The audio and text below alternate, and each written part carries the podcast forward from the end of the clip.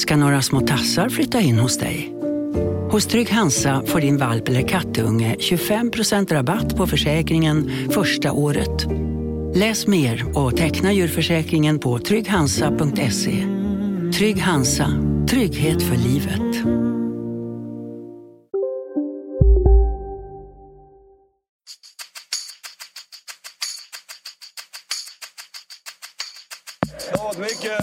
Mycket, snack om det här inhoppet. Det är svårt att förbereda sig. Va? Så att, eh, det är mycket känslor som spelar över.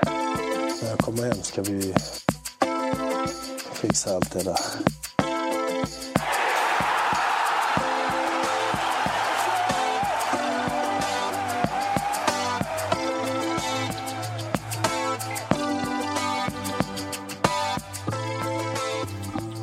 Välkomna tillbaka till MFF-podden. Det här är avsnitt nummer 183. Jag heter Fredrik Hedenskog. Jag har sällskap av Max Wiman och Jan Möller. Välkommen hit. Tack så mycket. Eh, och det är ju såklart med anledning av eh, att det är 40 år sedan som Malmö FF spelade final i Europacupen mot Nottingham Forest som eh, Janne är här och vi ska Eh, gå igenom den här eh, Europaresan så grundligt vi kan och hoppas på lite sköna minnen längs, längs vägen. Eh, bara för att sätta saker och ting i ett visst perspektiv så, så vill jag bara i korthet dra lite siffror här och då, som gäller Janne och då är det alltså 591 matcher för Malmö FF. Eh, varav 298 i allsvenskan. Det placerade vi på fjärde plats, va? tror jag. Kan det stämma? Eh, I statistiken över eh, flest antal spelade matcher i MFF. Du är den målvakt som har spelat flest. Det är tre fler än Johnny Fedel. Så det... Ja, det är viktigt ja. i det här sammanhanget. Ja. Eh, fem SM-guld, sju allsvenska seriesegrar, sex cupguld. Eh, du delar också det allsvenska rekordet för minst antal insläppta mål under en säsong med Johnny Fedel. Precis. 11 mål. Eh, 14 allsvenska medaljer varav två med Trelleborg. Det är ju bara det är ju Ja, det att du lyckades pricka in TFFs storhetstid också, det är ju imponerande. Ehm, 17 landskamper, vilket ju jag fortfarande tycker är lite lågt. Det var ju eh, hård konkurrens, inte minst på 70-talet med, med Mm. Ronny Hellström. Ehm, men eh, sen så, ja, vi kan kom, återkomma till den diskussionen för den det. är lite intressant. Eh, du fick ju då tillsammans också med eh, Malmö FF eh, Svenska Dagbladets bragdmedalj 1979. Då du också belönades med Guldbollen. Vilket inte är så många målvakter som har fått genom åren. Nej, det är Ronny och Thomas, ja, Ravelli och så Hedman, Isaksson naturligtvis. Det kanske har blivit, eh, det känns som att men det började där någonstans.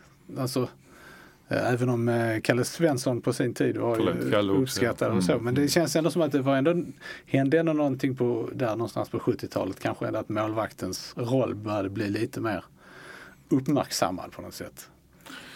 Ja, Ronny tog ju det till höjder då när, i det här VM 74 och sen 78 då han blev ju bästa målvakt i båda de VM-turneringarna. Så han skapar ju eh, idolintresse bland unga målvakter kan man ju säga. På siffrorna där jag måste fråga en sak. Om jag läste rätt så står du registrerad för ett mål också.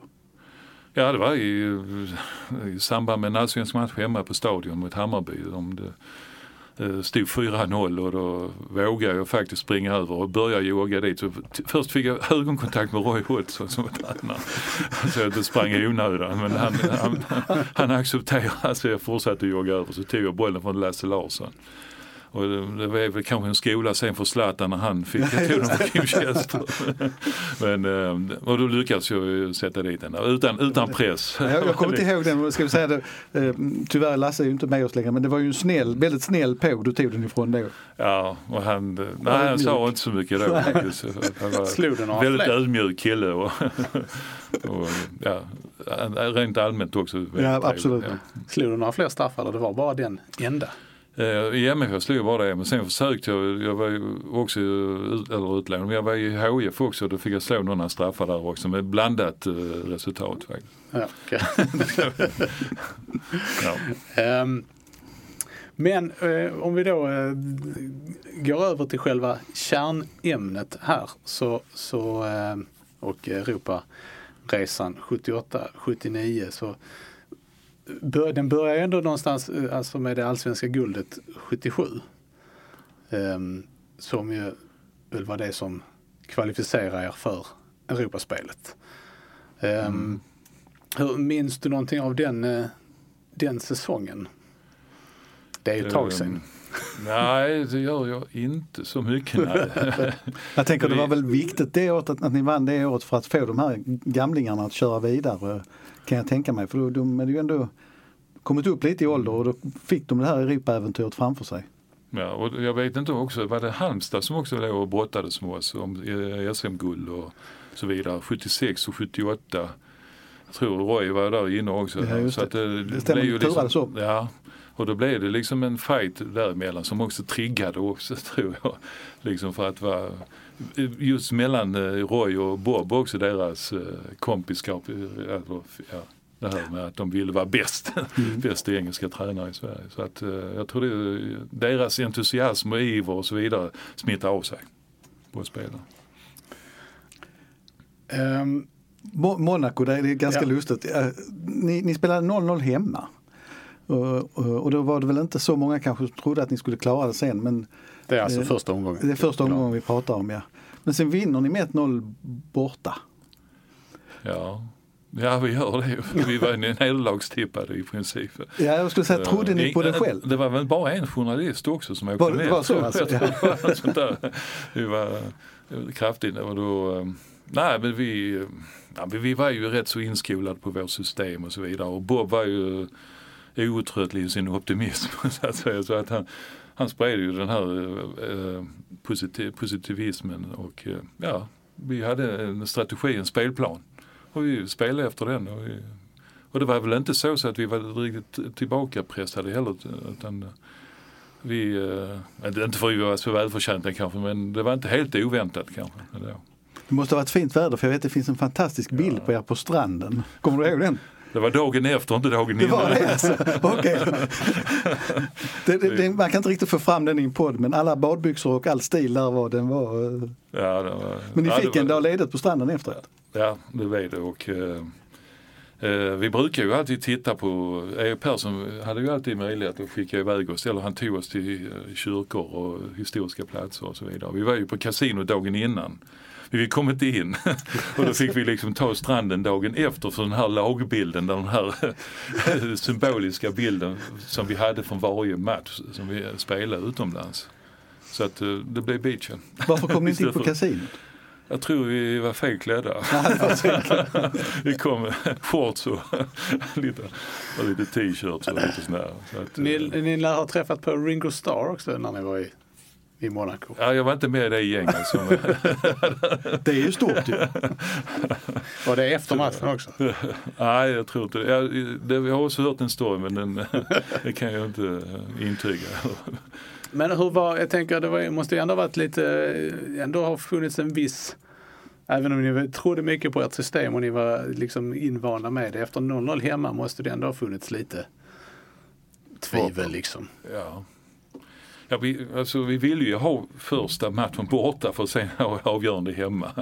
Och så fick vi, vi höll ju nollan hemma. Det var ju det viktigaste kanske ändå i det här negativa resultatet. Så att eh, lyckades vi bara göra ett mål borta så visste du var vi med i matchen.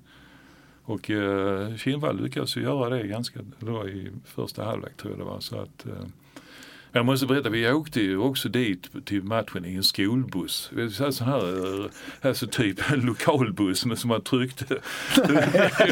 Det är grön, precis som vi har gröna bussar i stan. Det var ingen, ingen eh, Så jag vet inte om det var en tennisvätska för oss. liksom. Alltså de är till och med, ja, de ska bara hit, en skol, det var en skolklass som ska hit och spela. Så de ska bara avverka 90 minuter sen ska de härifrån. Så. Så det var liksom ingen buss som hämtade er sådär? eh, Jo det var det, det var, Men, vi fick ja. en egen busschaufför men det var ju ändå Det liksom, var liksom det plingade till lite här och där.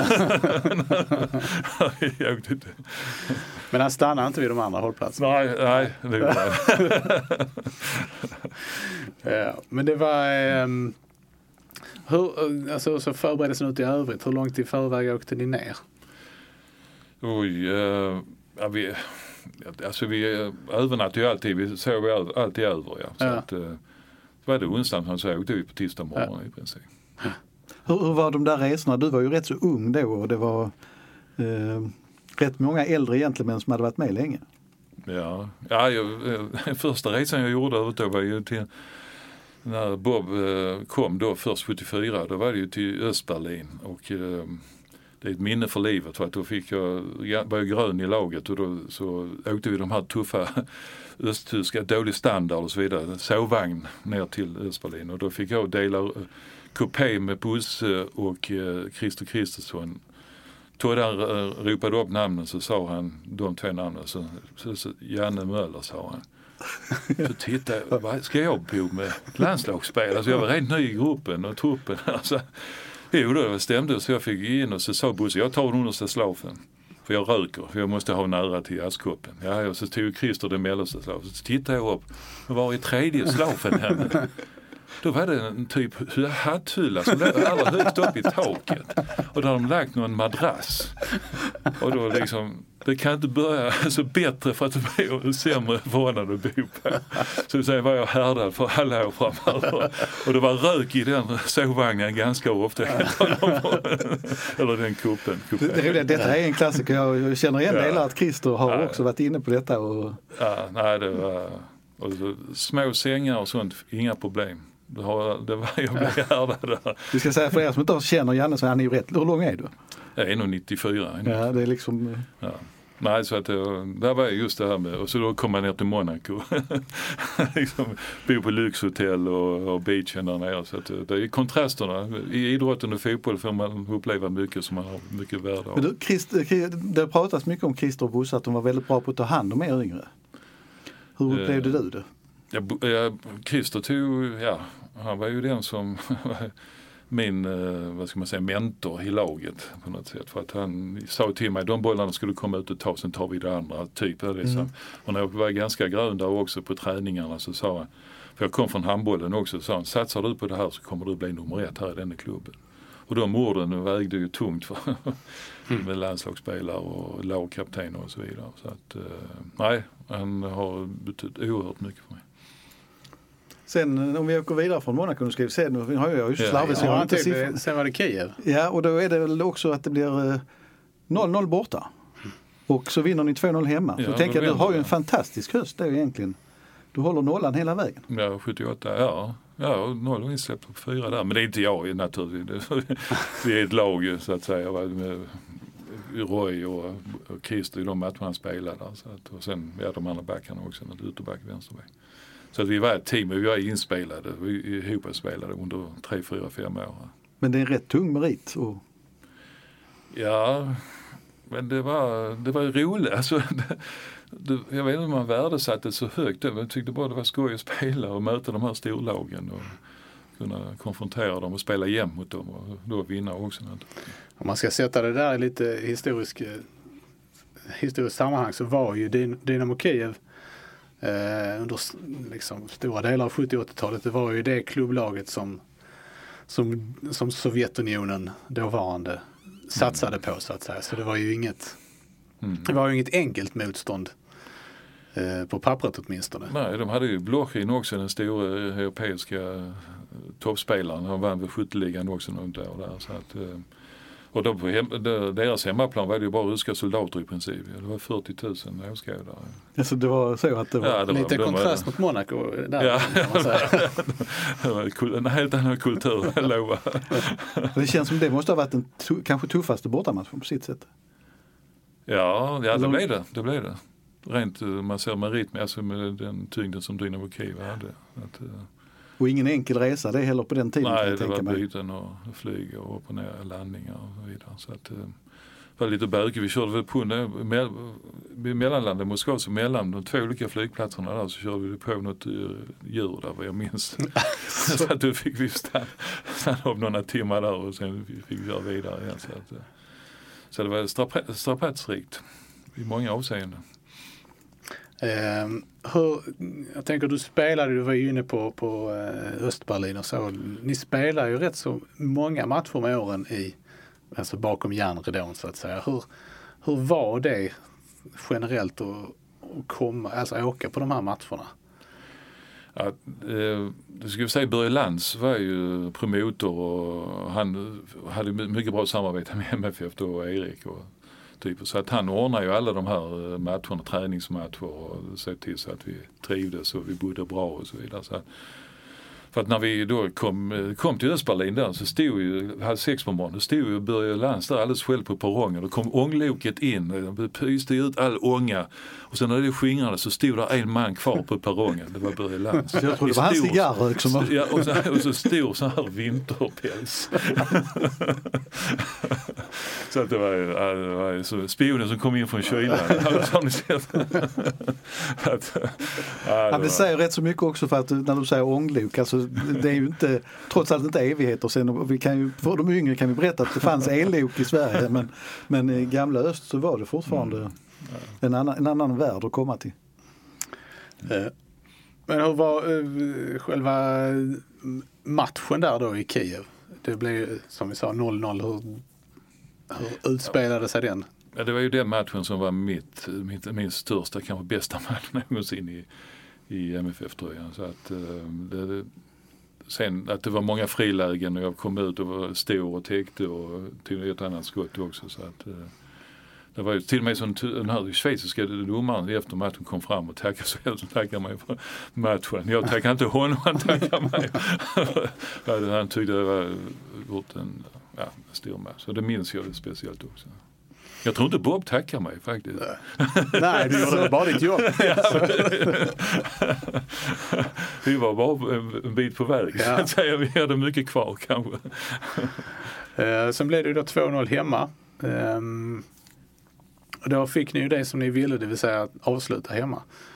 Uh, och då kanske det kändes omvänt mot första så att säga, att ni hade klarat 0-0 där. Att det var ändå ett ganska gott utgångsläge för hemmamatchen.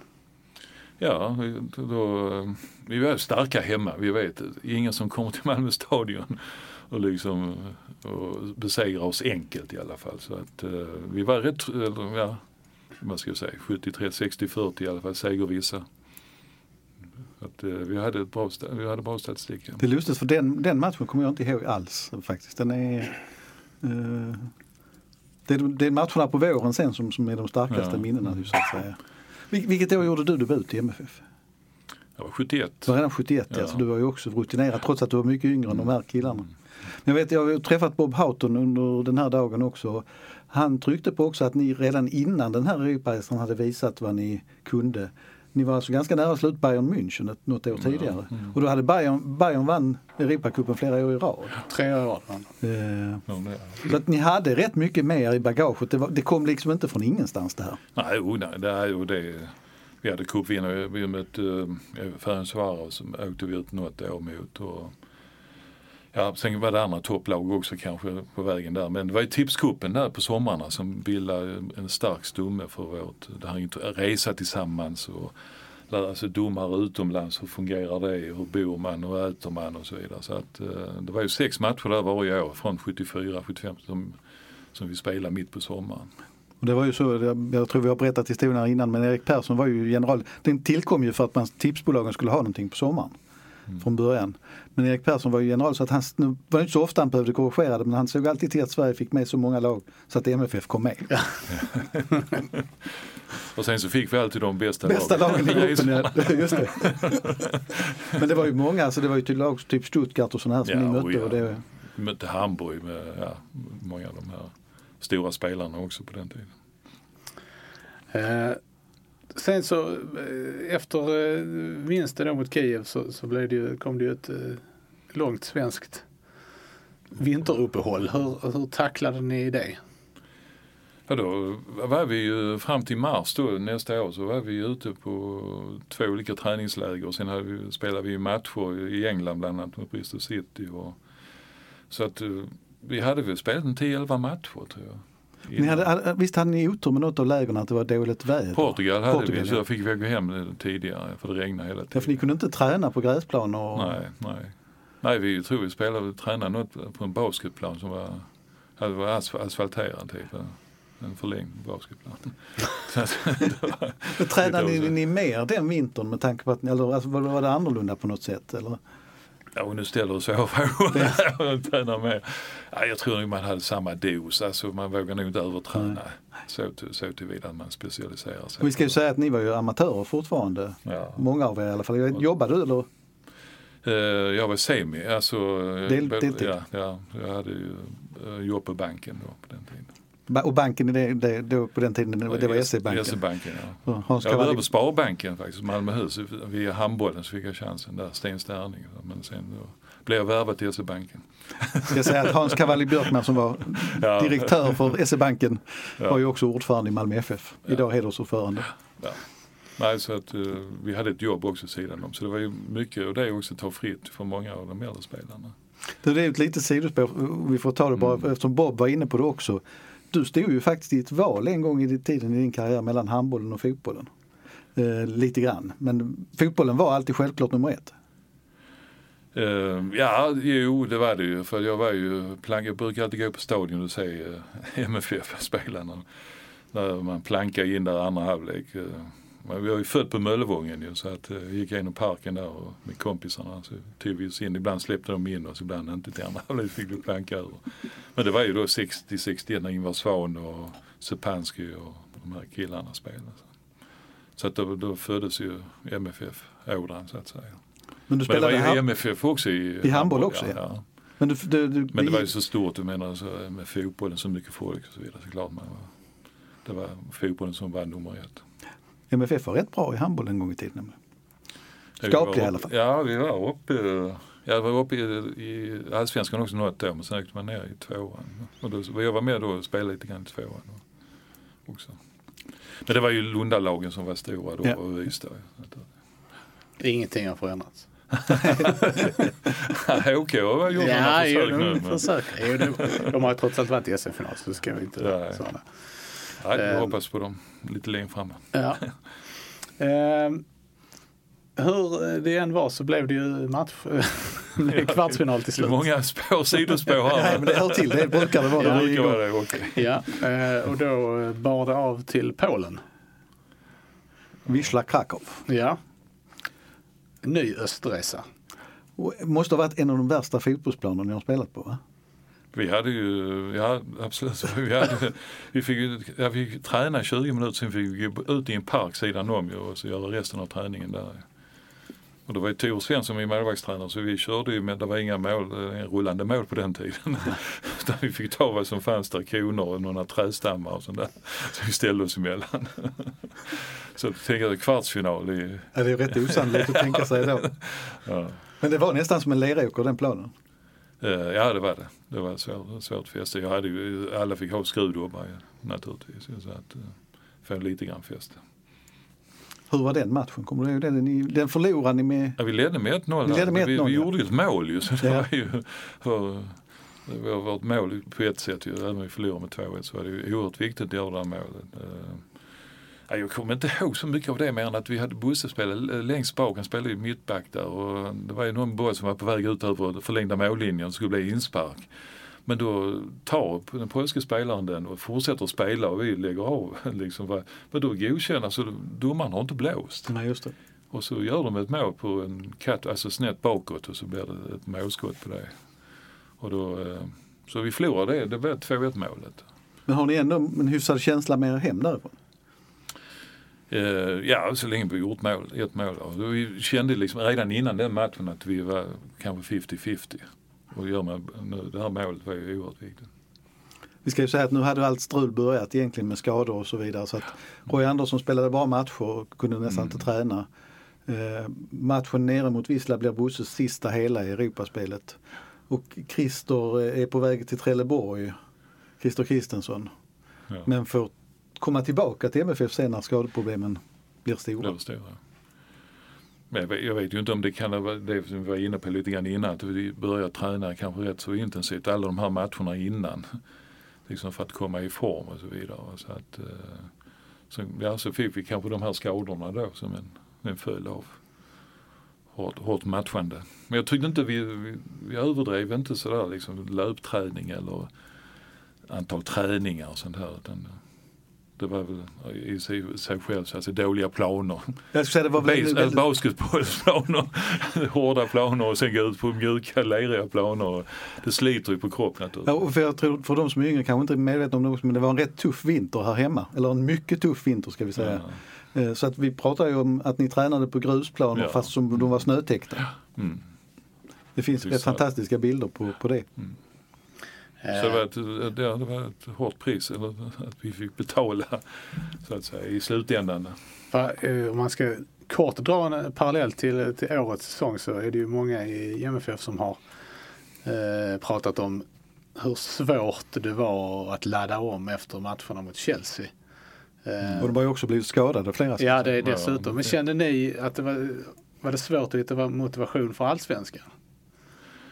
Eh, nej, jag tycker inte det. Alltså, nu blev det väl så, så att vi vann ju inte allsvenskan 79 där. Men, eh, eh, det var så många, det var generationsväxlingen också så att säga. Va? Så att, eh, det var många nya spelare in samtidigt. Så att jag kan inte i, min, I mitt minne så upplev, har jag, upplevde jag det som att det inte var någon, tvärtom var det roligt att komma hem och spela, Ja.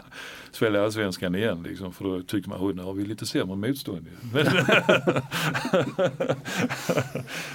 kanske kan bli riktigt bra det här. Jag får lite mer respekt och så vidare. Och då vill ju alla slå oss. Ja. så att det är mentala spelet också, det är inte bara det fysiska. Jag tänker du är lite inne på det där innan man pratar om hemmamatchen där men alltså det var ju ett lag med väldigt starka karaktärer med extrema vinnarskallar. Hur var de att ha att göra med hela det här gänget liksom? Vad var det? Ja, det gick inte att spela kort med dem. Alltså, Det- det var så? Skåns bonnatoll var det meningslöst. Alltså, det fuskades och det vanns och det hit och dit. Och det, nej, nej, det skämtar jag lite grann. Men det, Ja, men det finns nog lite allvar i det. Va? Det var, ja. det Ja men det är som, jag så- jag har ju inte, men jag har haft eh, Claes Malmberg som tränare. Eh, och han var ju eh, ofta ja, 12, 13, 14 man i det här. Men det är ju precis samma, alltså alla, alla som var med under den här tiden är ju världsmästare. Det finns ju liksom inget utrymme för tveksamheter någonstans utan jag vet hur det ska vara och det är så här det ska vara.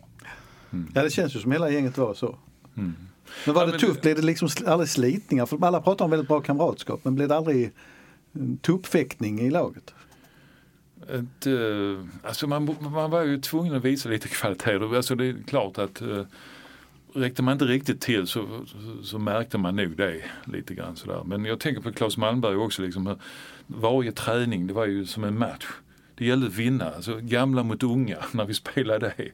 Då, I mitten på 70-talet när jag stod unga och vi förlorade alltid mot de gamla då, Bosse och Christer och de i, i 7 mot 7 eller 8 mot 8 som vi alltid avslutade träningen. Och då ligger där med Klaus fastän han inte spelade så många matcher så fanns det en, en sån här vinnarkultur i, i de här träningarna och matcherna. Så, som eh, mestadels gott i alla fall gav utslag.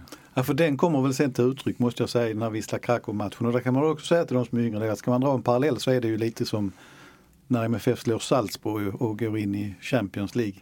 Alltså hela den magiska stämningen, vändningen. För det, Krakow tar ledningen med 1-0 här på stadion och ligger nu under med 3-1. Och det, Mm. Ingen tror väl riktigt på det då men, men sen vad, vad händer?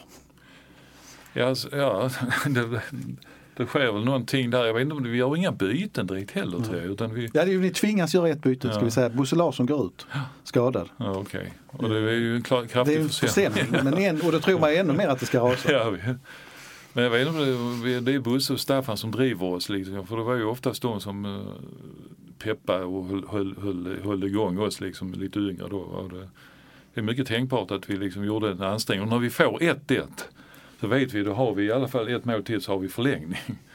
Så det är ju så små marginaler egentligen. Va? Så att, eh, och sen kommer ju det andra och då börjar de gå på knä, då börjar de bli oroliga. Och då bjuds vi in i matchen igen där, så att säga med 3-1 och 4 ja. Ja, om jag minns rätt så gör de något väldigt ovanligt i fotboll också. De gör ett målvaktsbyte. Eh, har jag för mig efter 3-1.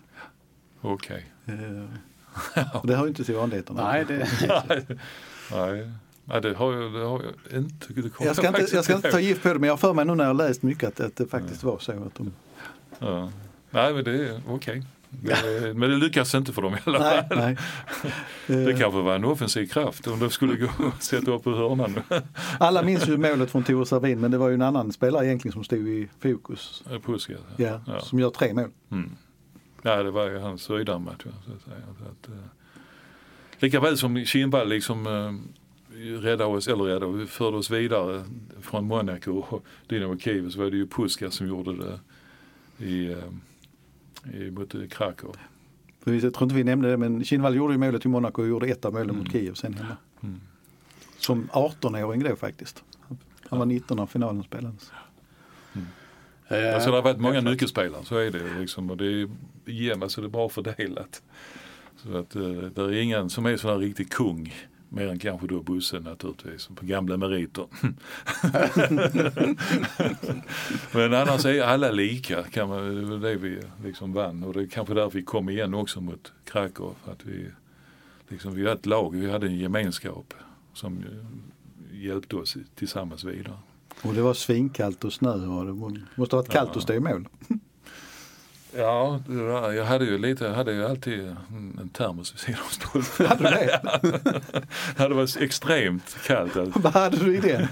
Ja, ja, det var aldrig sånt. Nej, jag men, vad- alltså, men allvarligt, Tänker vad, du på hade? Hade, Österrike och de här skidresorna? men vad hade, var det te eller? Det var te, ja, det var Ja. varmt te. Citronte. Så att, eh, för att hålla lite värme. Man försökte ändå jogga igång men det var, det var liksom minusgrader. Det blåste ju rätt bra också inne på stadion där många gånger. Så att, eh, Och i Allsvenskan hade du nästan aldrig något att göra heller. Så. nej, men det behövde jag inte ha. Det var ofta på sommaren. Men då, jag tänkte när vi ändå är inne på eh, väder och yttre förhållanden så du spelade ju eh, utan handskar. Eh, för det mesta i alla fall på den tiden. Men eh, när, när, började, när började du använda handskar? För det minns jag ju sen från den tiden när jag har ett medvetande att du hade på 80-talet. Ja. ja, men det var väl direkt efter där, eh, eller eh, Europacupfinalen 79. Ja. För jag spelade utan handskar där. För Ja. jag, jag kände liksom att uh, igångsättningar, långa utkast, eh, greppet känns lite bättre naturgrepp än, än med handskar. Då, då, då, nu är ju handskarna mycket bättre, de är mycket mer formade så att säga. Så det är lättare att greppa men då upplevde jag det som att, att eh, mina händer var mitt allt, Ja. alter ego, mitt eget så att säga. Det var de jag litar på totalt. Kanske har lite, hör lite ihop med handbollsspelandet också kan Ja. jag tänka mig. Ja. Men vad det var, kom det, nu är det lite målvakts... Ja, det är bra. nördigt Bra, vi måste, var, var kom den brytpunkten så att säga generellt? När började folk använda handskar? Jag vet, eh, alltså det var I, ju st- I väldigt, större utsträckning liksom. när det blev andra be- beläggningar på bollar och sånt här tror jag också lite grann. Och det var ju rätt tunga bollar på den 70-talet så att eh, egentligen så var det ju hårdare. Då borde man kanske ha handskar i, den, i det resonemanget. Men eh, eh, nej, jag, jag tror att det har med bollegenskapen att göra och att eh, till sist litar man, man tränar mer och mer med handskarna. Så man gav, det gav en trygghet i slutändan ändå. Mm. Det var för nytt då för mig, för min del. 78, 79, sen 80 anpassade jag mig. Jag tänker nu, vi måste nörda in mig lite på målvaktsspel här. Inte på handskar dock, men jag tänker så här. Idag är det ju väldigt mycket att man ska starta spelet från backlinjen. Men Bob var ju att man skulle vinna bollen högt. Jag minns inte det så konkret, men var det mycket att du skulle skicka bollen långt upp och så skulle ni vinna tillbaka den? Det var ett av alternativen, ja, att vi skulle försöka. Jag hade, eller ja, men vi hade som ett, eh, jag hade ju många assister. Ja, det var, Så det var, ju så, det liksom var det jag hade Thomas precis. eh, Sjöberg och, eller ett utkast till Tommy Larsson eller ja, Jocke Nilsson och så vidare. Så att då kunde man få en assist på det kanske. Men det var ett anfallsvapen. Mhm. Men också för att skapa osäkerhet i back, deras backlinje. Och Så sen att vi kom kunde, ju de här vi kunde fåglarna ta upp och andra bollen. Ja. Pressade, pressade, Ja, pressade. ja. Väldigt intensivt. Men vi hade ju också, menar Bob, han, ytter, wingbacks. Vi hade ju wingbacks redan på vår tid om vi ska vara ärliga. Mm. Han gjorde ju om uh, Ingemar Erlandsson som anfallare till vänsterback. Han gjorde ju om Magnus Andersson som högerback. Som, som, eller som anfallare till högerback också. Och då hade vi ju två vassa anfallare också samtidigt. Va? Så att uh, vi hade ju lite olika med Staffan Tapper ju naturligtvis på inlägg också. Ju. Så att vi hade ju en hel del anfallsvapen mm. att tillgå. Och det var väl Bobs styrka också kanske lite grann som man inte alltid blir så erkänd för att uh, det var liksom inte bara långt i, i, i den bemärkelsen utan det fanns en som ett schackspel. att ja. Det fanns vissa drag i det. Som det var väldigt strukturerat. Det är lätt att man, att man, det är lätt hänt att man förenklar det ja. i efterhand ju. Det var bara matcherna mellan MFF och Örebro när målvakterna stod och sköt bollen till varandra. Halmstad, Halmstad, förlåt. Halmstad, jag sa fel. Alla stod i mittcirkeln och ni stod och sköt bollen till varandra. Lennart Ljung ja, vi hade, vi hade många assist.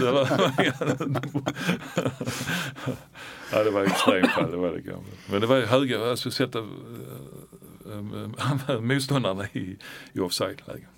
Det var mestadels därför liksom. Ja. Jag tänker också, bara för detta när vi, när vi pratar om Krakow, alltså efter det var det då ni började förstå vad ni hade ställt till med liksom? Alltså, eller var det fortfarande bara att ni bara körde?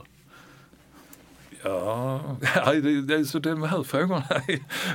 Jag upplever det liksom som att det var, vi var, för, alltså vi var klara för att göra den här resan. Alltså med hjälp av de här som vi snackade om innan, de andra fyra, fem åren. Ja. Vi hade slagit andra lag tidigare. Liksom, det var liksom inget så konstigt i era skallar? Nej, det var inte det ändå. Att, uh, upplever det inte sådär upphetsande liksom. Oh, sensation utan uh, vi var programmerade om man säger så lite grann. Vi, vi hade tagit igenom de här faserna liksom för att nu, nu är det vår tur i princip. Uh, den turen gick ju då vidare sen till semifinalen mot uh, Austria Wien och då var det åtminstone resultatmässigt lite tillbaka till där ni började så att säga. Där ni täppte mm. till eh, bakåt igen. Och mm. Det blev ju 0-0 borta. Och det var ju då man stod inför de stora problemen. Då hade alltså Bosse Larsson var borta. Eh, Christer Kristensson kom tillbaka och spelade första, ja. första, matchen där nere för att man skulle få ihop en backlinje eftersom även Roy Andersson hade problem men trots allt spelade den matchen. Mm. Vilket på den här resan jag märkte, för att skona honom lite grann, han spelade mittfältare i den matchen och Kent Jönsson blev mittback. Ja, okay. det, låter, det låter på fel håll men, men eh, mm. han spelade defensiv mittfältare i den matchen. Mm, mm, så att det var rätt stora ommöbleringar eh, för att vara Malmö FF mm. på den tiden. Men det var ju för att han skulle vara sopborste, sopborste framför, ja, framför ja. våra två mittbackar där. Så att han skulle inte behöva springa så mycket offensivt. Nej, utan han skulle, han skulle... bara, så det blev en fembackslinje kanske. Ja. I, nästan fyra och en halv. En halv. och det, det, är nästan lite spännande det du säger med wingbacks då för att då är det väldigt lätt att vända det till att det var nära det 3-5-2 ja. som det är idag egentligen eftersom mm, mm. ytterbackarna kunde vara väldigt offensiva. Ja, mm. Det var väl innan, ja, var det, då spelade väl Magnus på mittfältet och Roland spelade back. Ja, ja just det. Mm. Roland Andersson. Mm. Hur, när ni hade kommit så långt och när ni var framme i, i semifinal, upplevde ni liksom, jag tänker reaktionerna utifrån, eh, på, eh, både från liksom där i Österrike men även Europa generellt, var det, var, fanns det någon sorts överraskning eller var det? Var det uppståndelse överhuvudtaget ja. runt er? Uh, alltså du menar mass, massmediala? Ja, jag tänker man... mer liksom om det, var, om det var så att Europa var överraskat av att uh, här kom ett lag från Sverige och skulle spela semifinal i i Europacupen. Eller finalen senare för den delen. Jag tror österrikarna kanske var med så att de räknade Åstad skulle gå till final. Typ att vi var fortfarande under, underdogs. Vi var vi hade bara varit, hade tur att gå så här långt. Vi var nästan utslagna mot Krakow så att säga och vände den matchen. Men det, det stärkte oss kanske annars än mentalt. Att, att, nu kan vi kanske gå ännu längre bara för att vi var så starka i det, i det mentala. Där. Um, Nej, jag, jag tyckte de, de, de skapade inte så mycket chanser där nere. Austria-Wien. Så att eh, det var ganska lugnt. Christer var ju, tog, tog det mesta där inne fast han, han var inlånad i princip. Och kanske inte så fulltränad heller men hans placeringsförmåga är värdefull. Och, och sen hjälpte vi andra till också så gott det gick. Just det där med uppståndet, kommer det vara mer media och sånt plötsligt då, alltså från runt er när ni var, kom ner där än vad det var tidigare? För det hade väl bara varit lokal media från Malmö nästan? Ja, det var, ja men det var det ju. Det var mycket mer här från Sverige. Nu kan jag inte exakt påminna mig hur många tidningar som var där. Nej men det var liksom mer eh, Mm. Ja, det fokus var på- oh ja, oh ja. Det märktes inramning kring matchen och sådär. Vi, vi bodde ju på femstjärnigt hotell i Wien och ja, det var, allting var lyx och allting vi blev om, omhändertagna i Göteborg. Tränade, fick träna inne på Pratos. Det var 70 000 åskådare på matchen också tror jag. Eh, Ni slapp, slapp ta stadsbussen till matchen? Ja, den, nu var Och vi, slapp träna i parken. nu var vi erkända. ja, hos det där stora karusellhjulet som roterar. Träna där under kanske. Nej men det var, nej men vi hade satt oss i respekt där. Det verkar, verkar så. Det var, vi, eh, vi, jag tycker vi förtjänar värre vara där också naturligtvis.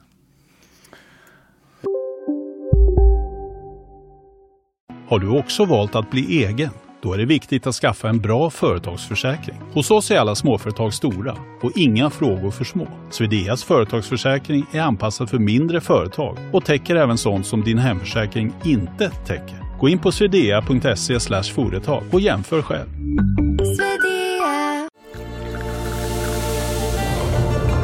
Välkommen till Maccafé på utvalda McDonalds restauranger med Baristakaffe till rimligt pris. Vad sägs om en latte eller cappuccino för bara 35 kronor? Alltid gjorda av våra utbildade baristor.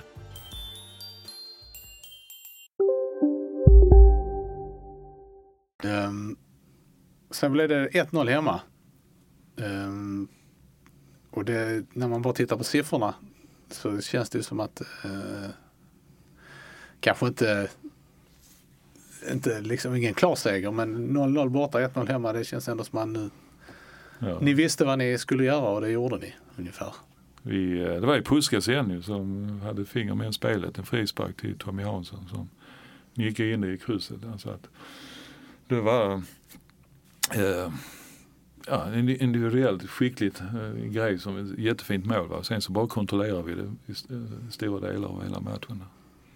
Det var väl fullt också hemma, 24 000, 25 på Malmö stadion.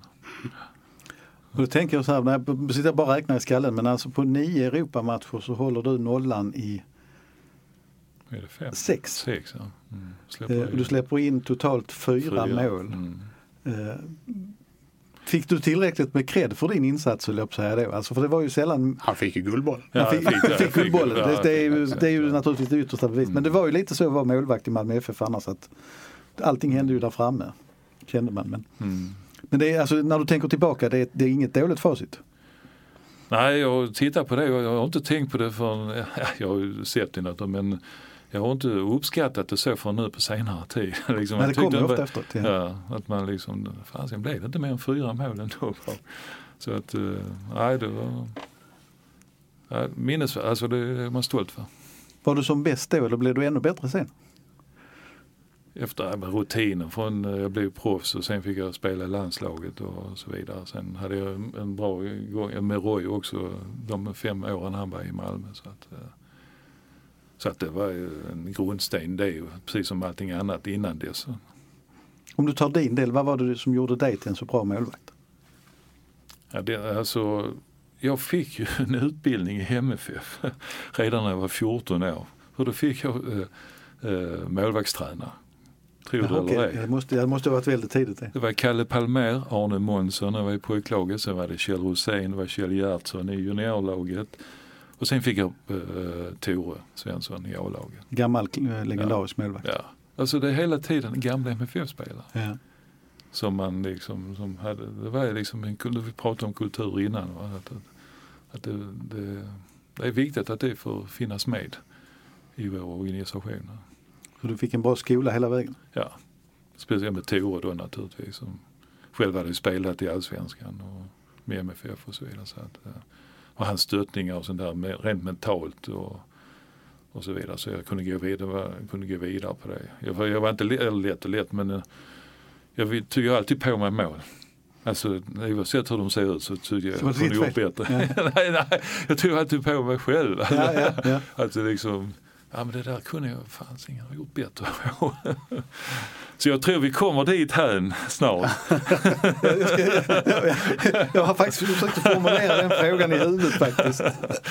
Så att eh, liksom, och det är väl det här med, vi har precis pratat om det i MFF nu med utbildningar och med ledarskap och tränarskap och så vidare. Det här med growth mindset och fixed mindset. Liksom man får lov att göra misstag. Det är ingen katastrof. Och det är det som allting bygger på, att man gör misstag. Det är det som man går vidare på. Innan vi går in på den Ja. 30 maj 79, ska du berätta vad du gör i MFF idag? För du är ju fortfarande Ja, vi har pratat, jag är ju eh, tränare för MFF U17 och, eh, och är även på skolakademin och även på gymnasiet. Och eh, står, ju, hjälper du Jonny och Zlatan på målvaktstränarsidan. Jonny har ju A-laget och Zlatan har U19. Det är alltså Zlatan Asinovic. Ja, inte- Sinovic. Nej, vår, Ibrahimovic. inte den store själv. Zlatan 2, ska vi säga det? Nej, Nej men- Zlatan, så att eh, jag är mycket, eh, mycket med fortfarande. Jag håller mig eh, ajour och så vidare. Så att jag tycker det är himla, jag brinner fortfarande. Precis som Bob och man ser Bob nu, Bob Houghton och Roy Hodgson. Eh, pratar om att brinna för sitt för fotboll och sitt engage, alltså engagemang för fotboll. Och vi har pratat om det många gånger. Alltså det är väldigt många från det här laget som fortfarande på olika sätt finns runt och i MFFs organisation. Det är fantastiskt. Hur tycker du, på, på, eh, apropå det, hur har målvaktsträningen, målvaktsutbildningen förändrats under alla de här åren som du har varit i och kring det? Ja, oj, det måste man Att den har förändrats, det förstår jag, men kan, Mm. kan, man, kan du förklara? Alltså jag, det har förändrats så pass mycket så att jag skulle nästan kunna säga att eh, en mittfältare skulle kunna bli målvakt. För att det är de egenskaper som man nästan kräver nu. Spelförståelse, placeringsförmåga, eh, uppsikt, ha koll på vad som händer i straffområdet och sen ha, sen ha målvaktstalangen i den formen av snabba reflexer, smidighet, snabbhet. Att komma snabbt ut i situationer och, och förflytta sig och upphopps, kanske spänsten, upphoppsteknik, kunna boxa ut en boll. Så att, men i botten ligger ändå det här med spelförstå och, och vara duktig med fötter, både vänster och höger fot. Så att det har ju förändrats markant. Hur hade, det, hade det passat dig? Tror du, så som det är idag? Ja, som, eftersom jag kom från utespelare, Ja. i handbollen. Jag gillar ju att spela ute och vi hatar att stå på linjen. Alltså det, det värsta jag visste. Jag ville ut och jag ville ligga bakom backlinjen hela tiden och därför passade det bra med Bob kom också. Han ville ju, jag skulle vara utanför straffområdet och, och ta upp eventuella djupledsbollar som blev för långa eller gå ut och bryta. Men sen jag inte, fick jag inte lov att dribbla men det gjorde jag några gånger. och en gång när Bob, när vi mötte Halmstad då fick jag svarta ögon i, i eftermatchen. Det är nog den enda gången jag fick det här genom alla åren med honom. Under då 70-talet och sen även i Bristol. Och då var han riktigt arg på mig. Men han sa ingenting, men jag såg det. Jag såg vad det Du hade dribblat och tappat bollen? Ja. Och, och då liksom, jag hade gjort en dribbling och sen skulle jag passa så jag gjort något överdrivet där också. Så att Lee Larsson fick bollen. Så han sköt in bollen i, nästan i tomt mål. Så att, och då blev det 1-1. Och då var det mot rivalen då, Roy, på andra sidan bänken. Eller andra sidan. Hur var, Så det, var, det, var, det, det är nog enda gången som jag tror Bob liksom har varit eh, lite negativ till mig. Ja. hur, var, hur var hans, eh, kan du beskriva hans ledarstil liksom mer generellt? Hur jobbade han? Att han jobbar som vi pratade om innan med här med engagemang, pondus, eh, på kunsk, alltså kunnig i att läsa motståndare, kunnig eh, att, eh, inte attrahera, men att lära ut sina grejer till olika typer av människor, alltså till Bosse, kunde lära till Puska och så vidare. Så att han, han var otrolig på att känna av spelarna. Och sen på toppen på det så var han ju också ungdomsinriktad. Jag tror liksom att eh, vi, så många ungdomsspelare som fick chansen i de 6-7 åren som, som vi hade Bob, var, det var unikt. Så att han, han anammade verkligen Erik Perssons eh, Mm. eh, ideal, alltså hans eh, ståndpunkter där att vi kör, vi satsar på våra egna. Det här att ni, att ni var så, för det är ju, det känns ju fortfarande när man tittar på hur laget såg ut, alltså det är ju att ni var allihopa från ett så koncentrerat geografiskt område. Det är ju, det måste ju vara fullständigt unikt i, Ja, det kommer i ju aldrig hända. toppfotbollen. Det, kommer, det känns inte som det hade hänt tidigare heller. Alltså om man tittar på vilka lag som har nått framgångar i Europa. Det finns ju inga, alltså även om man jämför med Göteborg, de hade ju ändå spelare från hela Sverige. ja. Mm. Nej, vi, nej, de lyckades. Det var Inge Blomberg bland annat då naturligtvis som var duktig på att scouta. Han som kallade att han hittade gräddbullar runt om stan. Mm, mm. Det var de unga lovande spelarna. Ja. Ja, det är, jag har sagt, vi har väl nämnt det innan här, men Ingmar Erlandsson var ju utböldningen. Han var ända från Glimåkra. Det var. Mm. Bob trodde att det låg i Småland, vi fick rätta honom. Det låter lite småländskt när han bryter. ja, ja. Han är ursäktad. Men det är intressant därför att Mm. eh, Bob pratade väldigt mycket om det här och det unika om just den här lagsammansättningen. Inte bara startelva utan alla spelare runt Mm. omkring också. Eh, och menade på att, eh, precis som du säger Fredrik, att, att det, det, det är något unikt som aldrig kommer att hända igen. Jag kommer ihåg också efter matcherna, vem var det han hyllade mest? Vem fick bästa kritiken? Den som har varit sämst. Nej, ja det var det kanske med. Ja, det var de unga Det var spelarna. unga. Ja, det kanske var okej någon gång. Då, men- Det var någon gång när Ja. han skulle nämna att den var outstanding. Ja, ja. Nej, men han hyllade alltid de unga. Ja, det gjorde han. det- Han, han, åh, han älskade och, ja, och titta och se hur de här spelarna utvecklas. Mm. Och han själv, men det var ju många, han anammade vi lite grann också. Christer lite grann mot mig och kanske typ Staffan Ro- Robert Prytz som tog, hjälpte Robban rent mentalt och pushade honom och så vidare. Så att det fann- fanns ju hela tiden den eh, kopplingen. Och det som jag tror, som jag uppfattat det var unikt med Bob också var väl att han även fick de här äldre spelarna att känna sig unga på nytt och bli pigga på att lära sig saker igen på något Ja. sätt. Mm. Ja. Nej, det var, han, han, var, han var skicklig, duktig och han förtjänade verkligen. Och Han, till- du vet ju VM 78, åtta spelare från MFF. Jag menar det, det hade vi nog inte haft utan Bob. Så Nej, nej. Det är tveks, alltså, mm, det är tve, mycket tveksamt. Så att han har, han har många, han har många bra kvaliteter som, som vi fick lov att utbildas utifrån. Eh, Ska vi sätta tänderna i finalen nu? Vi ska säga 30 maj 1979. Olympiastadion München. 44 minuten, ska vi ta den direkt? Eftersom han var inne på den. Det är väl typ 44 minuten. John Robertson inlägg. En snabb omställning. Just det. Glöm inte snabb Nej, omställning. ta den. Men visst var, jag tror det var John Robertson inlägg. Eh, Ja. Trevor Francis som kanske många minns men som faktiskt gör sin första Europamatch. För att han hade varit låst vid någon övergång tidigare så han hade inte spelat innan. Nickar in den. Mm. Och frågan är ju, Ja, vi har inte scoutat honom. Nej det, okej. Där har vi det. Jag tänkte frågan är väl, du ställde det nästan själv innan, Ja. kunde jag gjort det bättre? Ja, det kan Men det man kunde, du, det kunde du inte väl? Nej, alltså, jag, jag brukar alltid ha den positionen. Jag, har sett det. Jag, har sett, jag ser det varje år, det här målet. Kommer det igen nu? Ja, ja, det är klart det kommer. Ja, ja. Men, men det är ju, alltså när man tittar på det med, det är ju ett, det är ett, eh, det är ett ruskigt svårt avslut som han lyckas med. Han lyckas ju nicka in den i krysset Ja. i alla fall. Men, men sen är det ju också att inlägget där blir ju från en ganska enkel, alltså det, han får väldigt bra längd på det inlägget. Från en ganska stilla, eller han driver den lite grann framåt men han, han, han pendlar ju inte så väldigt mycket med benen faktiskt. Så att, eh, så att det är väldigt skickligt att få den eh, dit han. Men det, sen har jag också tänkt liksom, tänk om det hade blivit 0-0 eller 1-1, låt säga 1-1. ja. Då hade det blivit straff, förlängning och sen straffar. Mm. Och vad hade hänt då? Ja, då, då vet vi. Då säger vi Mag- Magdeburg.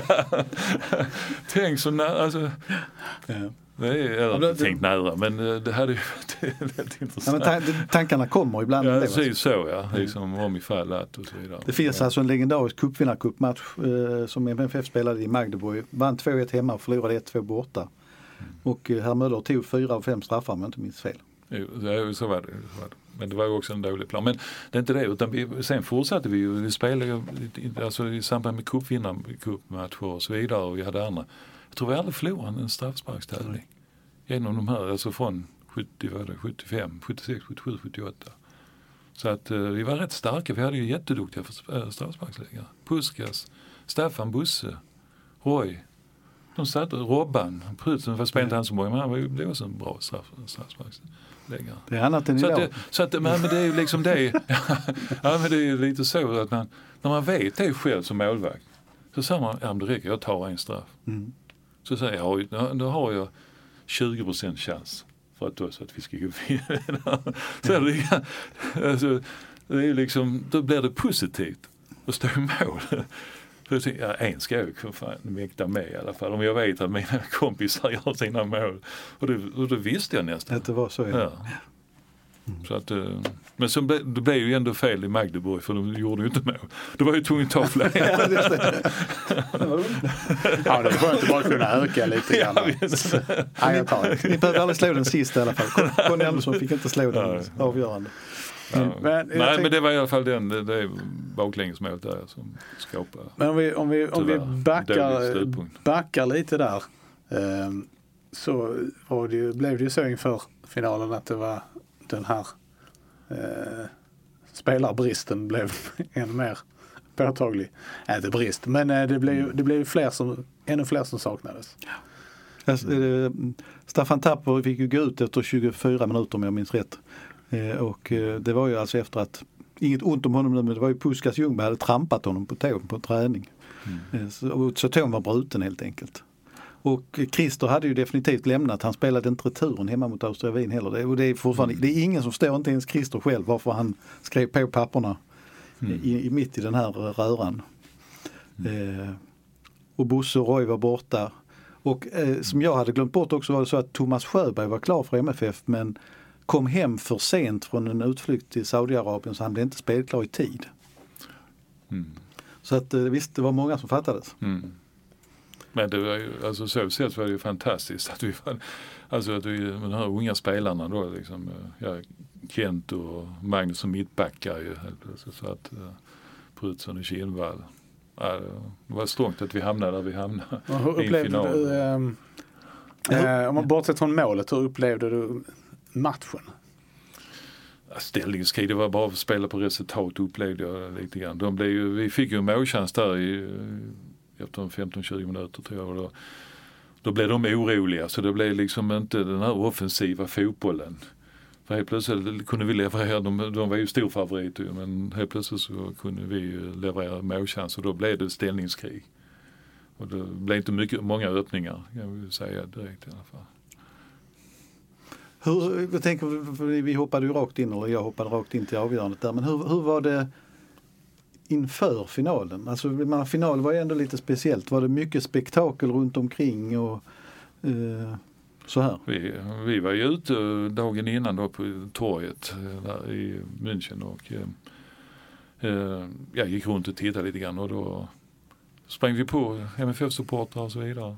Och sen hade vi ju också ett möte, spelarmöte om vi skulle spela eh, finalen eller inte. Det låter dramatiskt. ja, och då var det liksom för att vi eh, med styrelsen har vi kommit, gjort ett avtal liksom att ja, vi, efter semifinal skulle vi få vad det nu var 20 000 för avancemang. Och sedan så eh, vinner vi Europacupen så får vi 45 000 tror jag det var. Så, så de dubbla oftast eh, summorna. Men förlorar vi finalen så blev det ingenting. Så tyckte vi, nej men det var kanske lite dumt det där avtalet. Vad kan man, en symbolisk summa, ja, liksom, man inte bara går därifrån både var förlorat finalen och sen kanske den, ekonomin kanske, det är ju klubbmärkt, men ekonomin var ändå, så tänkte jag, men det där, så att vi sa, han, vi, vi pratar med Cavalli. så Puskas, han ringde honom på, på morgonen där tror jag, finaldagen. Så, ja, men, På, på finaldagen? jag tror jag, det var dagen innan jag säger. Men det var rätt dramatiskt för då hade vi snackat ihop oss lite grann där, eh, hela laget och så var det spelarrådet då med Puskas. I, som ringde och sa liksom, men vi, vi går inte ut och spelar om inte du ger oss något litet i alla fall. Så att eh, men det här är nog känt, jag tror det här har stått någonstans också. Så att det, det är inte första gången jag tror det här berättas. Men, men eh, då sa ju Kaviar, ni får 5000 så får ni varsitt konstverk. Så att, det konstverket vi fick där det var liksom, eh, ja det kanske, det kanske är mer värt mer än 45 000 om 10 år. ja, det kan man inte veta. Nej, det visste jag inte. Så det var rätt, rätt så bra deal ändå. Men löste de det på telefon eller Ja, ni, ja, ni, det var inte så att ni fick sitta ner Nej, allihopa? nej, nej, nej, det var rätt. De tyckte också, det var, styrelsen tyckte att det var helt okej. Men ni upplevde inte att det var lite... Jo, det var lite bökigt det där. Alltså, Ja. det, det var störande. Ja, det och jag jag. ångrar idag lite grann och så här, liksom, varför, varför vi tog upp det så liksom ändå. Det var, Ja, det var ju konstig timing ja, på det sitt var sätt. det, ja, det var det. Ganska sent minst sagt. liksom för det på tal. Så att, eh, nej, det kanske bildar lite grann en lite, eh, lite negativ tankar. Så rent förhandlingsmässigt så hade ni ett bra läge. Ja, det det måste det. man ju säga. Men, men, eh, men eh, jag kan Nej, förstå att, det, att det störde uppladdningen. Sportsligt, ja. Mm. Jag skulle säga det var ju lite både för det är lite som att säga, det är en negativ tanke att vi förlorar Ja, finalen. varför ska man ju tänka så? Nej, det, det är kanske lite så. Men det var ju, det var ju så att äh, heter det, Nottingham och äh, Köln spelade ju den andra semifinalen. Och det var ju den moraliska finalen sa ju alla. liksom, sen var det bara en uh, walk in the park, alltså det var bara att ställa ut skorna för uh, Nottingham. Den, vem de än fick möta av Stovin eller Malmö FF. Så vi var ju kraftigt nederlagstippade återigen. Så det, var, det var lite Dynamo Kiev Monaco Ja. typ av match. Va? Jag skulle säga bra förhandlingsläge vet jag inte. Liksom, bara tanken att nej, Malmö FF ställer inte upp, spelarna vill inte spela för de får inte bättre. Jag, jag, det hade De varit kunde svårt. mörkat också styrelsen. Vi hade ju spelat den där. Ni hade spelat ändå menar jag. Jag hade- jag har inte spelat. Ni hade ju Jag hade verkligen gått idrottshistorien annars. Det är så jättemånga som hade kommit. Jag var ett strejkbrytare. Svart för... Ja, det hade nog varit rätt givet. Det. Ja, det är Men det, är- ja. Men jag tänkte, eh, när allt det här hade lagts och efter matchen och så kände det, kunde man känna någonstans att det var ju jädrigt trist att vi inte kunde spela med bästa laget. Och jag läste någonstans nu här liksom att även om eh, vi har spelat med fyra spelare. Det var Bob som hade sagt det förresten. Ja, Han sa- kommer inte ihåg det själv. Men, Nej, han sa fyra spelare och de hade tagit bort fyra av sina eh, viktiga spel så hade vi kanske ändå inte vunnit. Eller det hade kanske krävts vi skulle vinna. Vinna, någonting så. så det var liksom inte bara så små grejer, det var rätt så stora omförändringar. Ja, ja, nu lever jag lite för att här, men Bob pratade just om det här idag. Eh, han hade tittat i Sydsvenskan, han hade läst Sydsvenskan noga om allt som hände. Vi hade om finalen idag. Eh, nej men han, han hade tittat på vad Nottingham hade för bänk och då hade de, vad hette, eh, Chris O'Neill hette han det? Nej, och Martin O'Neill. Martin O'Neill. Ja, Martin. O'Neill. Chris O'Neill var en, en helt annan person. Ja, Mm. förlåt mig. Martin O'Neill satt på bänken. Eh, det gjorde även Chris Woods tror jag som sen Ja, också blev mm, målvakt, ja. eh, Och eh, Archie Gemmell satt på bänken Mm. som också är en av Skottlands mest Mm. kända spelare. Så att säga. Så att, När man hör de namnen så inser man att de hade ju ett ganska bra lag. Mm. Och de hade en rätt hyfsad målvakt de också. Ja, Peter Shilton, absolut. Han, eh, Det, det säger ju en del det också. Att, mm, mm, Det är ju liksom en av de mest legendariska målvakterna. mm.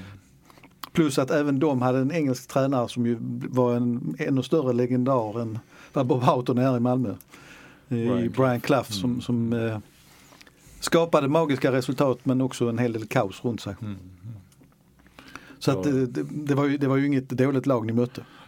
Nej, och Peter Shilton, och tog upp det där så mötte vi Sverige spelade vi mot England eh, samma år, det är ju 75-årsjubileum eh, fullt eh, på Råsunda. Då fick jag lov att spela den matchen för, jag vet inte om Ronny var bortrest eller någonting sådär, så jag fick chansen. Och, och då spelade Peter Shilton. Så det blev 0-0 och då fick jag revansch på Trevor Francis. För då han spelade och Kevin Keegan spelade och hela det här berömda namnet. Så 0-0 och gjorde en av mina bästa landskamper i den matchen. Så att eh, lite halv revansch på Trevor Francis där. Eh, men då, fick, då bytte vi tröjor. Peter Shilton så- ja. Så jag fick där. Jag trodde, jag vet inte, jag var väl så besviken där efter Nottingham för jag bytte aldrig tröja med honom i, i den här Europacupfinalen. Och sen Brian Clough, han ville ju ha mig, för jag var i Toronto sedan som proffs så ville han ha mig till Nottingham. Jaså? Ja, Okej. alltså att det var någonting som jag hade gjort bra tydligen. Hur, hur nära var det att eh, gå i lås? Nej, det var jag som sa nej. nej. Alltså för att eh, då hade jag, jag hade spelat eh, jag spelade på City en, nästan en hel säsong och sen över en halv säsong i eh, Amerika. I Nordamerika- Nordamerikanska soccerligan och då var det en och en halv och så ville han ha mig direkt på hösten in när vi hade spelat på sommaren. Och så, nej, inte en chans. Och då spelade på konstgräs, alltså hårda planer så jag var rätt så öm höfter. Så att jag sa nej. Ja, om vi har synpunkter på konstgräset idag så är konstgräset där tidigt 80-tal. Det var Ja, inte... Var det då du vände hem till MFF istället eller var du? Eh, då ska vi se, nej, jo det var det nog ja. 83, 84 var det i den vevan. För då Manchester United var också, men det var nog lite tidigare. Var så, och då tackade jag nej till Manchester United. Va, Nu på vilka liksom grunder? också än en gång. Men det var, där ville jag skulle bli andra målvakt i Manchester United. Ja, då, då hade man inte många hjärnceller rädd. jag skulle säga, hade du fattat samma beslut idag? Nej det hade jag naturligtvis inte. Men då, Men när var då det- var, det när var också, det? var också det här med min fysik var faktiskt lite grann också, jag hade lite problem med njursten och så vidare. Så att, eh, det fanns en viss, det fanns en, en, en naturlig orsak ändå. Men eh, Men när är vi i tiden då när du tackar nej till det United? var, Jimmy Nicol kom ju över och spelade i Toronto, han var ju högerback i United innan. Och då spelade han för, vad heter han, Bale, eh, Bailey, Gary Bailey, Mm. sydamerikan, sydafrikanen.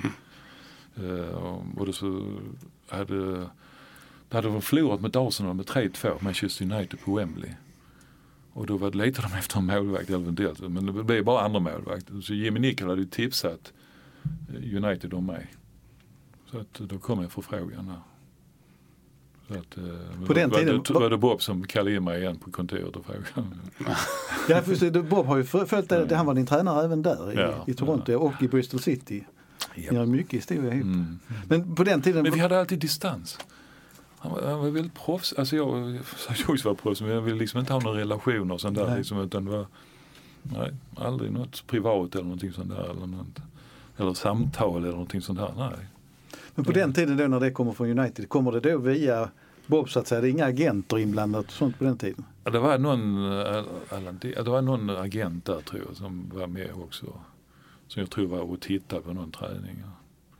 ja, I Toronto. Men eh, det var inte, det var inte det, omfånget som är idag. Nej. Alltså är det, du säger att du kanske hade fattat ett annat beslut idag. Är det, ångrar man saker i efterhand? Har du liksom gått och gnagt det? Inte nu kanske men Nej, nej. lite... Jag var lite nyfiken. Men jag ångrar alltså det som jag har fått uppleva i MFF och landslag. Och allt det där. Nej, jag ångrar, alltså den, den resan. Det, det finns en mening med allt. Alltså, antagligen hade, hade det kanske inte funkat i United. Utan, så att eh, nej, jag är jätteglad. Nej, jag är inte den människan som ångrar mig. Nix. Jag ser nya utmaningar hela tiden. Men jag, jag tänker på ehm, eh, landslagsmässigt. För mig känns det lite grann som att det, när, du, när du lämnade Malmö och flyttade först till, till Bristol och sen till Toronto att det kanske liksom försämrade dina landslagsmöjligheter. Det sa ju Laban Arnesson också när jag skrev på för Bristol City då var det ju Champions League typ, alltså division 2 då i England. Då var det inte intressant för Laban. Det, det krävdes liksom eh, Premier League eller division 1 där. I, ja, i stora drag. Så att eh, då satte jag mig själv i lite sämre situation. Ja. Men då var det ju liksom, jag ville, jag hade ju ett mål att spela i första divisionen. Mm. Och, liksom, och det så även om kanske Bristol City inte var där men jag kunde kanske fånga uppmärksamheten via Bob och Bristol City för att kunna gå vidare kanske ett eller två år senare. Det var ett fönster för mig. Kände du då när du, när du lämnade MFF, den, kände du dig liksom lite färdig? Jag tänker den här, den, det var ju liksom en resa som, som ni började i början på 70-talet och som liksom Mm. kulminerade med Europacupfinalen. Var det liksom lite svårt sen att Nej, jag ville gå vidare till. också. Liksom. Tore hade hjälpt mig där i sex, sju år och kom in i landslaget. Så jag var proffs, var ju liksom en dröm. som kom i uppfyllelse tack vare Bob då som tog mig. Och det var ju en trygghet för mig också att få Bob. Jag behövde liksom inte liksom bli en helt bättre målvakt. Jag kunde bara spela det spelet jag spelade. Så att det var ju en solklar, en jättechans jag fick. Liksom, och, och, och sen i MFF också, de gick inte så bra då 80-81 tror jag. Det var ekon- ekonomin. De ville ju precis som nu IFK Göteborg när de sålde Pontus Dahl. Alltså man, man behövde få in en, en miljon, 800 en miljon någonting i, i kassan för att liksom kunna gå vidare till nästa år. Så var det ju oftast med ekonomin i MFF. Det krävdes en, en, eh, en eh, försäljning av spelare för att liksom det budgeterades redan en Mm, försäljning av en spelare på den tiden. Och det är kanske redan, det vi vet ju eh, även nu för det, nu de sista åren har det blivit jättebra men innan dess så det liksom krävs en försäljning på 30 miljoner. Tokelo Ranti är ju exempel när det var tomt i kassan. Ja, det är 30 miljoner, 35 in där. ja. Så att eh, det är, redan då. Var det, Mm. Sen var det Prutzen året efter tror jag när han gick till Glasgow Rangers. Kan ju stämma ja. Då var det också, då fick de in en, två miljoner där. Alltså det, det fanns eh, liksom en, en röd tråd i det lite grann. Att eh, vi utbildar och utvecklar med, eh, spelare. Så hjälps vi åt. Och sen kommer vi hem. Och så betalar vi tillbaks igen lite Ja, för du, det gjorde ju du också. Mm. Det många framgångsrika år efter. Ja, och Bosse kom ju också hem från Mm. Stuttgart och många andra spelare som har Och det är kommit faktiskt hem. någonting som har, håller i sig. Ja, Mackan Ja. naturligtvis. Ja, och, Det finns ju väldigt många ja, exempel oh, nu. ja, och det kommer vi fortsätta förhoppningsvis kunna plocka hem eh, Ponne och Filip och kanske Robin också, Robin Olsen. Vi får se. Så att där är, eh, där är många intressanta år framför oss. Eh, Men hur upplevde du när du sen då kom tillbaka till MFF? ehm, Kändes det som en, var det liksom samma, samma förening som du kom hem till eller hade det, hade det hänt någonting? Uh, Cavalli var ju mycket alltså, involverad i det här med företag och på ett positivt sätt. För att vi, nu blev det mycket, det var ju Tor Grip som var tränare och Keith Bland var ju kvar också. Alltså att, uh, det blev, hade blivit mer liksom en Micke Rönnberg. Vi hade liksom lirare på plan, lite mer publiklirare och så ändå få eh, spelet fungera. Sen kom ju eh, Bosse Augustsson in och Roy kom in, Roy Hodgson. Bosse Augustsson tog hand om ungdomarna, Ungdomarna, och utvecklade dem med dribblingar. Vi fick liksom en, en mittfältspelare som blev kreativ och, och liksom dribblingsmässigt kunna ta sig förbi en motståndare. Och det var lite unikt, alltså det har vi inte, jag vet inte om vi har det idag. Alltså har vi, har vi utbildningar, vi har det ju på akademin, vi har det på gymnasiet, men jag tror inte vi har på A-laget, de ska väl vara färdiga där. Mm. Men då hade vi det i samband med A-lagsträningen så plockade Bosse Augustsson och fick de en liten sida på en halvtimme så körde eh, då Jonas Tern, Jocke Nilsson, Stefan Schwarz, Niklas Sundén och hela det gänget. Det var ju ett försök för något år sedan då det var mer uppdelat med anfallsträning och Ja, så vidare. Jörgen Pettersson Ja, typ. Men eh, nu Mm. har det ju på Nej. princip försvunnit. Eh, jag ska inte säga helt men det är Nej. väldigt mycket, väldigt mycket mindre. Mm. Det var väl också så i den vevan när du kom hem då blev det mer och mer professionellt allting. Ja. Mm. Jag, jag tror jag jobbar kvar på SE-banken ändå. Ja, ja det, är, det är precis Mm. på slutet Mm. av 80-talet när det Mm. går Mm. över riktigt. Så att, eh, nej, så det, blev, det var lite till bättre för att utveckla fotbollen och så vidare. Men då var det ju också som Hans, han ville ju liksom sälja alla matcherna på tv. Alltså det gjorde inte så mycket om vi bara hade 6, 7, 8 tusen på Malmö stadion. Så att, Det var eh, viktigt att synas. Ja det är också ja, ett, eh, mm, viss framsynthet in i ja, det som skulle komma. ja, det säger Cavalli liksom. Men nu har vi både och. Ja, ja. Och det är fantastiskt, vi har vår tolfte spelare. Så att det går att göra både och. tydligen. Så Men då, då var det nog en brytpunkt som du säger Ja. att eh, tv blev allt viktigare. Vi hade ju 6 000 mot AIK, var det inte det? I final. jo, det, 86 det, det finns ännu värre siffror kan Det jag säga. ja. Och Djurgården hade vi kanske, 80, 88 hade vi kanske 10-12 000.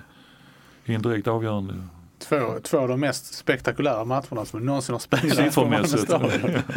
Nej men det är siffror som är nere på 6000 som du säger i snitt ju de åren i, Mm. Ja, i snitt kanske, okej. Mm. Men eh, så det är ju siffror som är ännu värre. Mm. Den värsta, en, en siffra det är i världsfinalen. När vi mötte Eh, Asunción. Ja från Paraguay, Ja, det, det kommer jag inte ihåg. heter de? Olympia. Olympia. Ja, och så, Vi hade dem hemma ju för Nottingham tackade ju nej till att spela världs, världsfinal, världscupfinal. Så vi hade väl 3000, 2 500-3000 hemma. Sen mötte de två veckor senare hade vi fullt hus där nere. Folk förstod sig nog Vi förlorade det. 1-0 hemma och så förlorade vi 2-1 där nere. Eh, Nej, det var tal om publik och Mm, mm. lite nya, nya sidor när man kom hem och så vidare. Så att, eh, det är många stories. Ja. Det, jag tänker bara innan vi har pratat länge nu, vi ska snart, Ja. eller vi ska runda av, men jag tänker eftersom det nu också är ett eh, Skånederby som väntar på söndag så, eh, så bör, vi, bör vi också nämna din eh, eh, när du sen då bestämde dig för att varva ner så eh, blev ju en del i eh, MFFs eh, bistånd till, till HIF. Satsningar typ. Ehm, och det, hur, hur var det? eh, Ja, det var ju Ingvar Wenhed lämnade MFF-styrelsen och blev ordförande i HIF och då eh, tyckte eller Hans och Ingvar att vi kunde ju skicka några spelare från MFF. Så det var ju jag gammal jag var en av dem då med Anders Jönsson och typ någon till. Alltså. Så då blev det att vi från division 3 HIF skulle försöka hjälpa HIF upp i allsvenskan. Hur var det att liksom skifta till... Från MFF och då var ju ingen konkurrens. Då, Ja, ni, hade aldrig mött HF för de hade vi, ju spelat alltså, det fanns ju inte, vi hade ju boys som våra trätor, alltså lite mer uh, heta dueller, heta Mm. Christer Kristensson och Claes Kronqvist till exempel. Det var heta, heta situationer de två. Eh, men då var det ju boys och de, de matcherna var fantastiska för mig. Alltså inramning och så nu det här med media och liksom utbildning, utveckling på unga spelare. Så det gav, tycker jag, liksom är ett måste. att Vi ska ha ett HIF, Landskrona Boys, Trelleborgs FF. De eh, är väldigt utvecklande i, i spel för att sedan ute i Europa. Alltså du får ju samma inramning. HIF-matchen är ju nästan samma. Eller, Ja, det blir bra tryck. Ja, det blir riktigt bra tryck. Och spelarna är lite, kanske lite mer nervösa, lite mer oroliga för du vet att det blir kamp. Det är ingenting gratis. Så att, eh, så att eh, ja, jag, jag gillar, jag gillar derbyna, Skånederbyna. Men det känns eh, bra att du liksom fick vara med och, och bidra till den, till att den rivaliteten kunde återupplivas så att säga. Ja, bara det blir på ett positivt sätt. så att det inte blir, det har varit lite situationer som har uppstått här igen. Ja. När Per Hansson och så vidare fick, eh, här på, i Malmö fick nå- några trå, tråkiga minnen därifrån. Eh, Men ja, sen har andra varit grejer också. Jag menar HIF-supportrarna har inte varit med nådiga mot sina egna. Nej. Henke Larsson och Jordan, man minns det. Så att, eh, hoppas att eh, vi slipper den typen av eh, supporting. Men det var liksom ett, oh, vad ska vi säga, det, det, var eh, en, en okej avslutning på resan och spela upp i Helsingborg. Ja, det blev ju inte det. Ja, det blev ju inte det sen, för det blev ju en fortsättning sen igen. Jag åkte till en annan skånsk klubb. TFF. då hamnar alla MFF förr eller senare. Ja, Nej, men jag tänker liksom att ändå gå från det här stora succén i MFF Ja. till, till någonting helt annat. Mm. Ja men det, det som jag sa till dig liksom också att eh, jag gör mina bästa matcher innan, innan vi börjar snacka här. så sa jag liksom att jag behöver för att motivera mig själv så måste jag spela inför i en klubb som har lite problem. HIF hade ju, var mjölkkossan, de hade ju 8, 10, 12 tusen på varje hemmamatch fast om man spelar i lägre divisioner.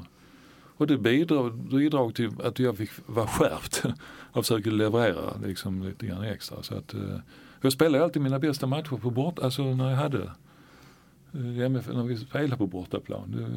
Jag var alltid extra motiverad för det. Hemma, som du sa, vi hade ju ingenting att göra. Alltså när man fick Nej. ett skott, och, precis som Johan nu, ja, det, ett skott eller ett inlägg eller kanske ett avgörande och så vidare. Och du var inne, vi var inne lite grann på, du nämnde inte någonting om HIF, jag fick något pris där. Just Ja det. precis, Det blir ju, det ju, måste ju vara en, en, Den historien måste vi att du blev årets HIF-are 1989. Ja. Och det var ju väldigt märkligt. jag hade inte gjort många knop men eh, jag var väldigt sysslolös. Så Det var någon match i Markaryd tror jag det var, eller det var mot Värnamo, ja vilket som. Så kom någon support, HV-supporter in eh, i samband med uppvärmningen tio minuter innan match, innan vi skulle vara kick-off. Så gav han mig en plastad sån här campingstol och sen en tidning. Så här, här har du Janne, här kan du ha, ha under matchen så kan du sitta där och ta det lugnt. Så jag hade inte så mycket att göra. Det var den allmänna åsikten om min insats. Snacka om att vila sig i form. ja. ja, men jag, jag kunde ju dirigera, jag kunde ju snacka så jag såg ju till så jag inte hade någonting att göra. Men det Ja. blev Trelleborg sen också ja. Om vi ska ta det ända in i... Ja. Vad hade du tänkt lägga av då? Egentligen? Eh, eller? Ja det hade jag, jag var målvaktstränare ju så att eh, då, ringde ju de och frågade om jag kunde ställa upp för det var ryssar, Jan- Jankovic. Jankowski. Jankowski. Ja. Han, eh, och Janne Eriksson, målvaktstränaren, den legendariska målvaktstränaren fick jag ju där nere också. Så jag tänkte, ja men det, han får nog igång mig. han fick ju två, tre veckor så fixade så var det ju debut mot, eller ja, mot uh, Gais. Glenn Hussein och då vann vi med 1-0 faktiskt. Så var man igång där också. Ja, för jag, jag tänker det är fantastiskt. Vad sa du, hur många matcher var det i MFF? 500? 91. Och sen ska vi lägga dit HIF, Trelleborg, Vancouver och Bristol. Ja, Toronto, inte Och Vancouver. Toronto, förlåt, Toronto. Ja. Mm. Eh, Det, är, det är många matcher du har spelat på seniornivå. Det Ja. det är en Mm. makalös karriär egentligen. Mm. Ja, fyra år utomlands. Ja. Och du sa 591, har jag varit hemma de åren? Ja. Så, jag Ja, det, vi pratar ju runt Ja. tusen seniormatcher. Nej, inte som, ja kanske seniormatcher, ja. Nej, Ja, för kanske inte riktigt nej. ändå, men det är, det är många. För jag pratade med Johnny, eller Johnny har gjort flest antal matcher i MFF tror jag. Ja. Alltså då, då räknar vi junior, Ja, po, okej. pojklag Pojklag. och allting. Han har gått över 1000 1085. Och det, jag kommer inte i närheten av det. Alltså, att, att han har gjort, jag började ju när jag var 12 år i MFF, eller 13. Han började väl när han var lite betydligt yngre. Så att, eh, han fick ju rätt många matcher där Ja. tidig ålder. Ja, Eh, Janne, vi tackar så hemskt mycket för att du tog dig tid att komma hit. Eh, det har varit eh, både upplysande och intressant. Och underhållande. Underhållande inte minst. Eh, Eh, det här har varit avsnitt nummer 183 av MFF-podden där vi anser att konstgräs ska förbjudas i svensk elitfotboll.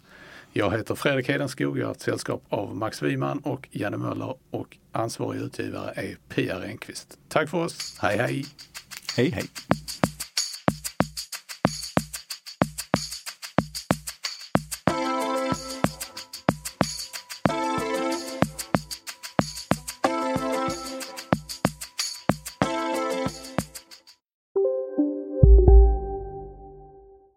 Redo för sportlovets bästa deal? Ta med familjen och njut av en Big Mac, McFeast eller Cooper Cheese och Company plus en valfri Happy Meal för bara 100 kronor. Happy Sportlovs deal, bara på McDonalds. Hej Sverige! Apoteket finns här för dig och alla du tycker om. Nu hittar du extra bra pris på massor av produkter hos oss. Allt för att du ska må bra. Välkommen till oss på Apoteket.